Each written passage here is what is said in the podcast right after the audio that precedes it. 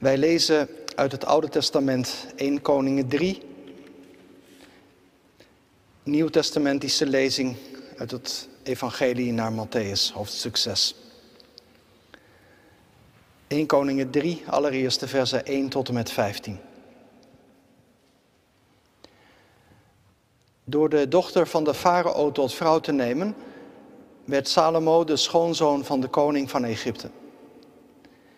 Hij liet haar in de Davidsburg wonen, totdat hij gereed was met de bouw van zijn paleis, de tempel van de Heer en de muur rondom Jeruzalem. Omdat er in die tijd nog geen tempel was gebouwd voor de naam van de Heer, bleef het volk zijn offers brengen op de offerplaatsen.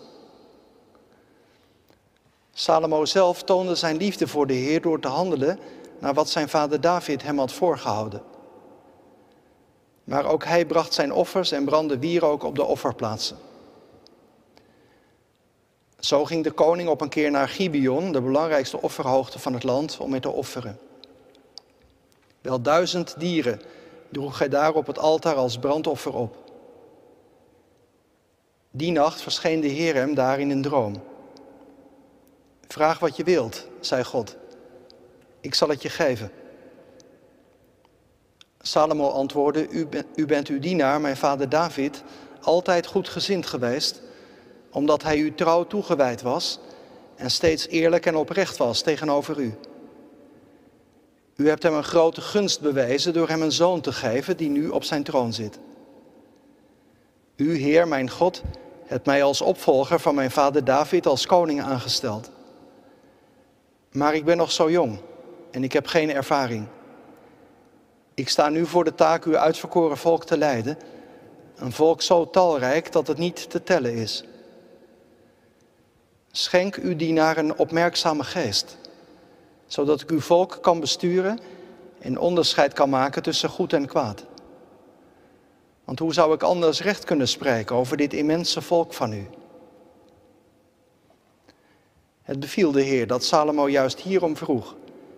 En hij zei tegen hem, omdat je hierom vraagt, niet om een lang leven of grote rijkdom of de dood van je vijanden, maar om het vermogen om te luisteren en te onderscheiden tussen recht en onrecht.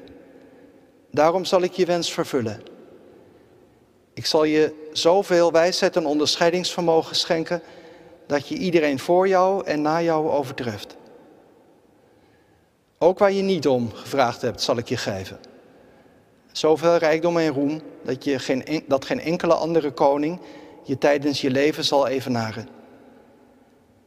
En als je mij gehoorzaamt en je houdt aan mijn bepalingen en geboden, zoals je vader David al deed, zal ik je een lang leven schenken. Toen Salomo wakker werd, besefte hij dat hij een droom had gehad. Bij zijn terugkomst in Jeruzalem ging hij naar de ark van het verbond van, met de Heer, waar hij brandoffers en vredeoffers bracht. Hij nodigde al zijn hovelingen voor het feestmaal uit. Tot zover de eerste lezing. Matthäus 6, vanaf vers 24 lezen wij uit het Nieuwe Testament. Niemand kan twee heren dienen. Hij zal de eerste haten en de tweede liefhebben. Of hij zal juist toegewijd zijn aan de ene en de andere verachten. Jullie kunnen niet God dienen en de mammon. Daarom zeg ik jullie, maak je geen zorgen over jezelf en over wat je zult eten of drinken, nog over je lichaam en over wat je je zult aantrekken. Is het leven niet meer dan voedsel en het lichaam niet meer dan kleding? Kijk naar de vogels in de lucht. Zij zaaien niet en oogsten niet en vullen geen voorraadschuren. Het is jullie hemelse Vader die ze voedt. Zijn jullie niet meer waard dan zij? Wie van jullie kan door zich zorgen te maken ook maar één L aan zijn levensduur toevoegen? En wat maken jullie je zorgen over kleding? Kijk eens naar de lelies, kijk hoe ze groeien in het veld. Ze werken niet en weven niet. Ik zeg jullie, zelfs Salomo ging, al, ging in al zijn luister niet gekleed als een van hen. Als God het groen dat vandaag nog op het veld staat en morgen in de oven gegooid wordt, al met zoveel zorg kleedt, met hoeveel meer zorg zal hij jullie dan niet kleden, kleingelovigen? Vraag je dus niet bezorgd af wat zullen we eten of wat zullen we drinken of waarmee zullen we ons kleden? Dat zijn allemaal dingen die de heidenen najagen. Jullie hemelse Vader weet wel dat jullie dat alles nodig hebben. Zoek liever eerst het koninkrijk van God en zijn gerechtigheid. Dan zullen al die andere dingen je erbij gegeven worden. Maak je dus geen zorgen voor de dag van morgen, want de dag van morgen zorgt wel voor zichzelf. Elke dag heeft genoeg aan zijn eigen last. Tot zover de lezing uit de Bijbel. Dit zijn niet zomaar woorden, maar dit zijn de woorden van God. Broeders en zusters, hier in de kerk en thuis met ons verbonden gemeente van Christus. Vraag wat je wilt en ik zal het je geven. Stel je voor dat God dat tegen jou zou zeggen.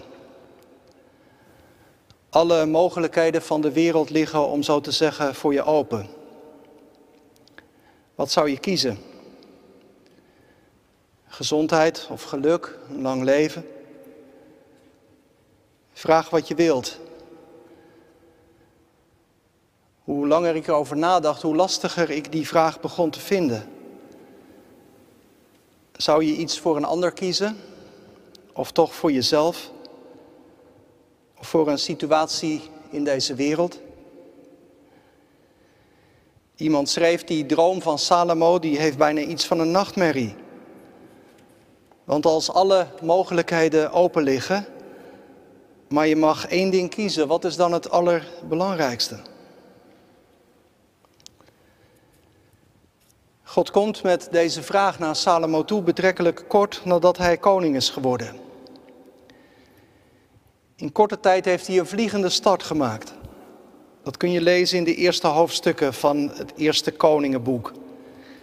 In hoofdstuk 2 bijvoorbeeld zie je dat de nieuwe koning een echte stratege is. De ene na de andere politieke tegenstander wordt uit de weg geruimd. En Salomo gaat direct ook strategische allianties aan. Hij trouwt bijvoorbeeld, daar begonnen wij te lezen, met de dochter van Farao.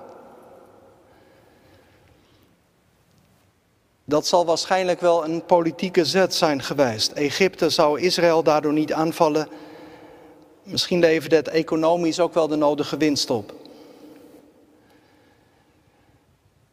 En tegelijkertijd is het zo aan het begin van wat over deze koning beschreven staat ook wel een stap die te denken geeft. Want Egypte heeft in de Bijbel nooit een positieve klank. Het land wordt altijd verbonden met onderdrukking, met slavernij, met uitbuiting. Er worden andere goden gediend en juist op dat terrein, lees verder in de geschiedenissen van Salomo, 1 Koningen 11. Juist op dat terrein, het dienen van andere goden, zie je het uiteindelijk ook helemaal ontsporen bij Salomo. Misschien is hier al iets van een kiem daarvoor gelegd. Hoe dan ook een strategische koning. En dat niet alleen, ook een ondernemende koning. In vers 1 worden zijn bouwprojecten opgezond. De bouw van een paleis. De bouw van een huis voor God, de tempel. En dan ook nog eens de bouw van een stadsmuur om Jeruzalem. Ondernemer en stratege, een koning waar je echt wat van kon verwachten. En toch wordt in het Koningenboek nooit vanuit dat perspectief naar mensen gekeken. De boeken 1 en 2 Koningen, 1 en 2 Kronieken, die staan wel bekend als historische boeken. Bijbelboeken waarin een stuk geschiedenis wordt verteld. Maar die term historisch, die moet je niet op het verkeerde been zetten. Want er wordt op een heel specifieke manier gekeken. Steeds is weer de vraag, gaat iemand in de wegen van God? Dat geeft, om zo te zeggen, de doorslag in hoe iemand gewogen wordt, in hoe het verhaal verteld wordt. En wat dat betreft wordt er een heel mooi getuigenis van Salomo gegeven. We lazen dat in vers 3. Salomo toonde zijn liefde voor de Heer door te handelen naar wat zijn vader David hem had voorgehouden. Als Salomo geboren wordt, dat lees je in 2 Samuel 12, lees je dat God Salomo lief heeft. Dat is ook de naam die hij dan krijgt, Judithja, geliefd door God. Salomo geliefd door God, hier zie je dat hij ook antwoordt op die liefde van God. Salomo had de Heer lief. Dat is het allerbelangrijkste wat van een mens gezegd kan worden. Wie je ook bent en welke positie je in het leven ook inneemt. Het gaat om het geliefd zijn door God en het liefhebben van God. En het mooie is dat je merkt dat Salomo ook die liefde tot God concreet wil maken in hoe hij koning wil zijn. Hij houdt hem zo te zeggen zijn geloof niet achter de voordeur. Want op een dag, nog steeds aan het begin van zijn koningschap, gaat Salomo naar Gibeon. Een plaats zo'n 10 kilometer bij Jeruzalem vandaan. Daar was een offerplaats, daar wordt ook zo even iets over gezegd. Er waren nog heel veel offerplaatsen in het land. Uiteindelijk was het de bedoeling dat de godsdienst geconcentreerd werd in Jeruzalem. Zover is het nu nog niet. En Gibeon nam dan in al die offerplaatsen een belangrijke plek in, want daar was de tabernakel. Om zo te zeggen, de mobiele tempel die tijdens de woestijnreis was meegedragen.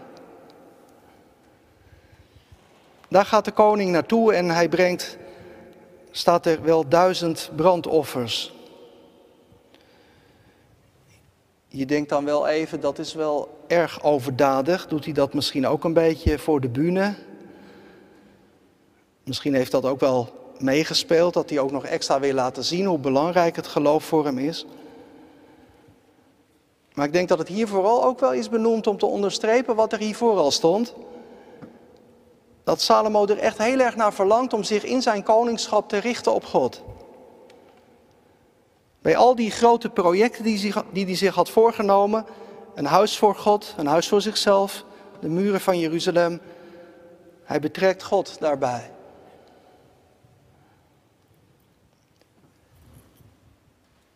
Ik lees dat ook wel als een spiegel voor mezelf. Salomo had God lief en die liefde kwam tot uitdrukking in zijn handel en wandel. Zou dat ook van jou gezegd kunnen worden? Hij houdt van God, zij zet God op nummer één. En zij laat zich iedere dag ook door hem leiden. Niet alleen op zondag, maar ook bij de uitoefening van haar werk, in vriendschappen, in relaties. Hoe is dat in jouw projecten? Misschien goed om je dat af te vragen. Er zullen hier ook wel heel veel ambitieuze mensen zijn. Misschien ben je ondernemer of directeur.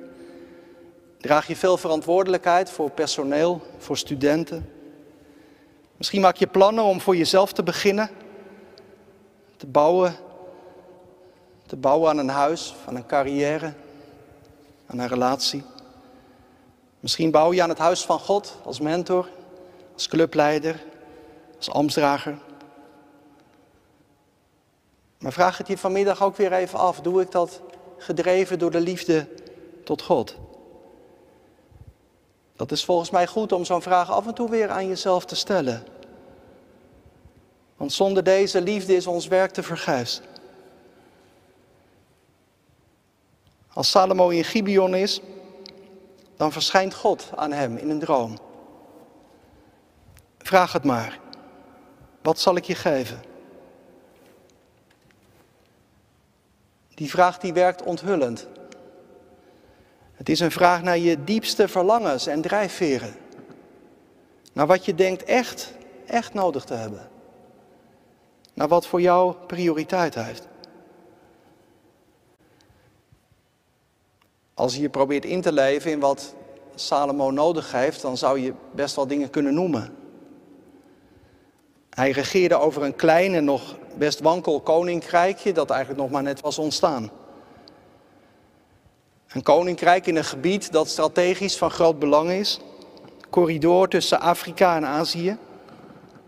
Al eeuwenlang het slagveld tussen allerlei grootmachten. Israël zat daar letterlijk tussenin en moest kiezen tussen Oost en West. Een verbond met de een was vijandschap met een ander. Wat heb je dan nodig als beginnende koning? Nou ja, een goed leger, militaire slagkracht, een gevulde schatkist, strategisch inzicht, dat soort dingen. En daar komt bij dat Salomo op dit moment dan wel de macht stevig in handen heeft, maar hij heeft vijanden gemaakt. Hij zal nog gezag moeten verwerven, kracht uitstralen, hoop op een goede gezondheid. Om te overleven in de nationale en internationale politiek mag je geen zwakte tonen. Bijna een makkelijke keuze, zou je zeggen. Het valt mij op dat Salomo niet direct antwoordt.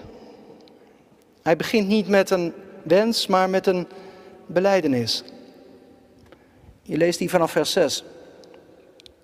Salomo benoemt eerst de, de liefde van God die hij had bewezen aan zijn vader David. En dat, dat ik nu, zegt hij, koning ben geworden, ja, dat is ook geen eigen verdienste. Ik heb dat helemaal aan u te danken. Het koningschap komt uit uw hand. En dat kleurt dan ook het antwoord dat Salomo uiteindelijk geeft. Hij vraagt niet zozeer om iets te hebben, maar om iemand te zijn. Hij bidt om een opmerkzame geest, zo staat er in vers 9. Schenk uw dienaar een opmerkzame geest. Je kunt ook vertalen een horend hart. Geef mij een hart dat luistert. Er zijn wel uitleggers die zeggen dat in dit antwoord van Salomo iets doorklinkt van Israëls geloofsbeleidenis. Luister Israël, luister. De Heere is onze God, de Heere is één. Salomo vraagt om een hart dat luistert. Dat inzicht heeft in goed en kwaad. En dat kan onderscheiden tussen wat leeg en inhoudsloos is en wat van waarde is. Een open hart voor God en voor zijn volk. Zo'n hart had Salomo kennelijk al ontdekt, heb je niet van jezelf. Je oren sluiten, je hart sluiten, dat gaat haast vanzelf, maar je hart openen, dat is een gave. In vers 9 blijkt dan dat Salomo dat met name bidt met het oog op zijn taak als rechter. Geef uw dienaar een opmerkzame geest, zodat ik uw volk kan besturen. En onderscheid kan maken tussen goed en kwaad, want hoe zou ik anders recht kunnen spreken over dit immense volk van u? Dat was een belangrijke taak van de koning toen, om recht te spreken. En direct hierna wordt dan het voorbeeld gegeven van die twee vrouwen die met één kind bij de koning komen. En ze zeggen allebei dat het hun kind is. Salomo moet recht spreken.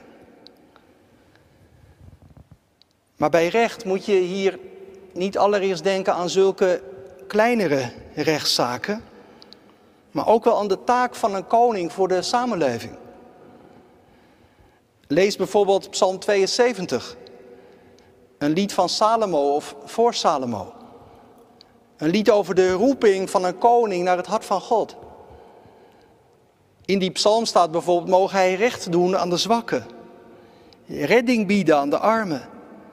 Maar de onderdrukker neerslaan.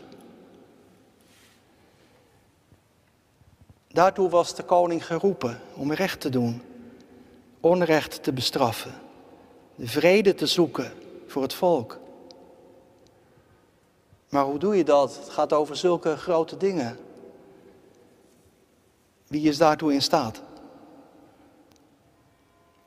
Salomo komt ermee bij God. En in zijn gebed zit alles wat hij nodig heeft voor het vervullen van zijn roeping. Geef mij een opmerkzame geest, een luisterend hart.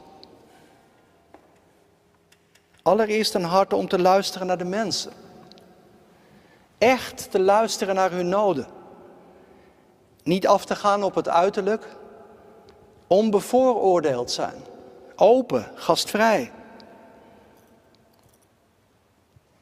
We weten allemaal hoe moeilijk dat is, om echt te luisteren, om een ander te laten uitpraten. Echt te luisteren voordat je zelf gaat spreken.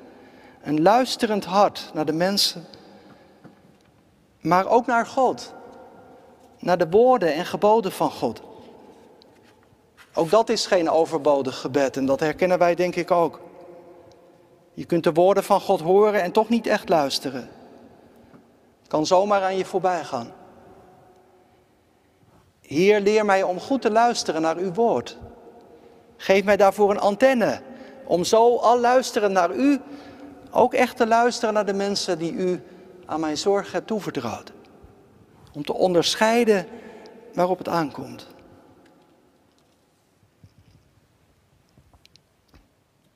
Dat vind ik wel heel mooi van deze geschiedenis. Het gaat Salomo niet allereerst om zichzelf. Het gaat om zijn volk, waartoe hij zich geroepen wijdt. Dat Israël een plaats zal zijn waar het recht zegeviert. Waar God het voor het zeggen heeft. Nieuwtestamentisch gezegd, Salomo zoekt niet zijn eigen koninkrijk, maar het koninkrijk van God. Geef mij een opmerkzame geest, een hart dat luistert.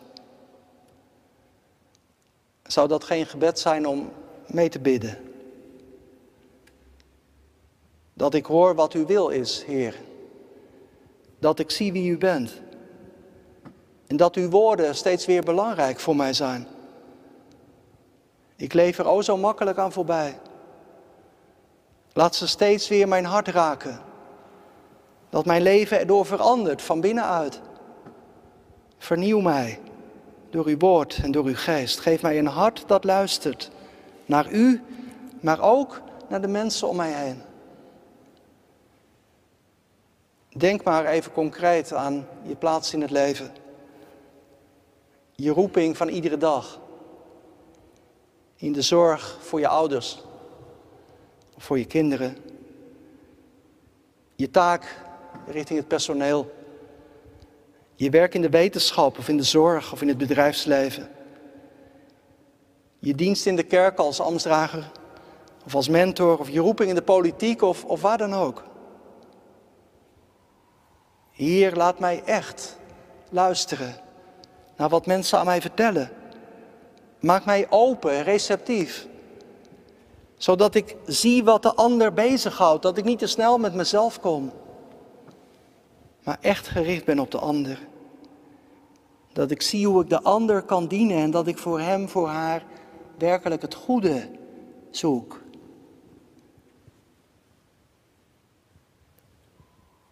Als je zo bidt met Salomo mee, dan mag je ook uitzien naar verhoring.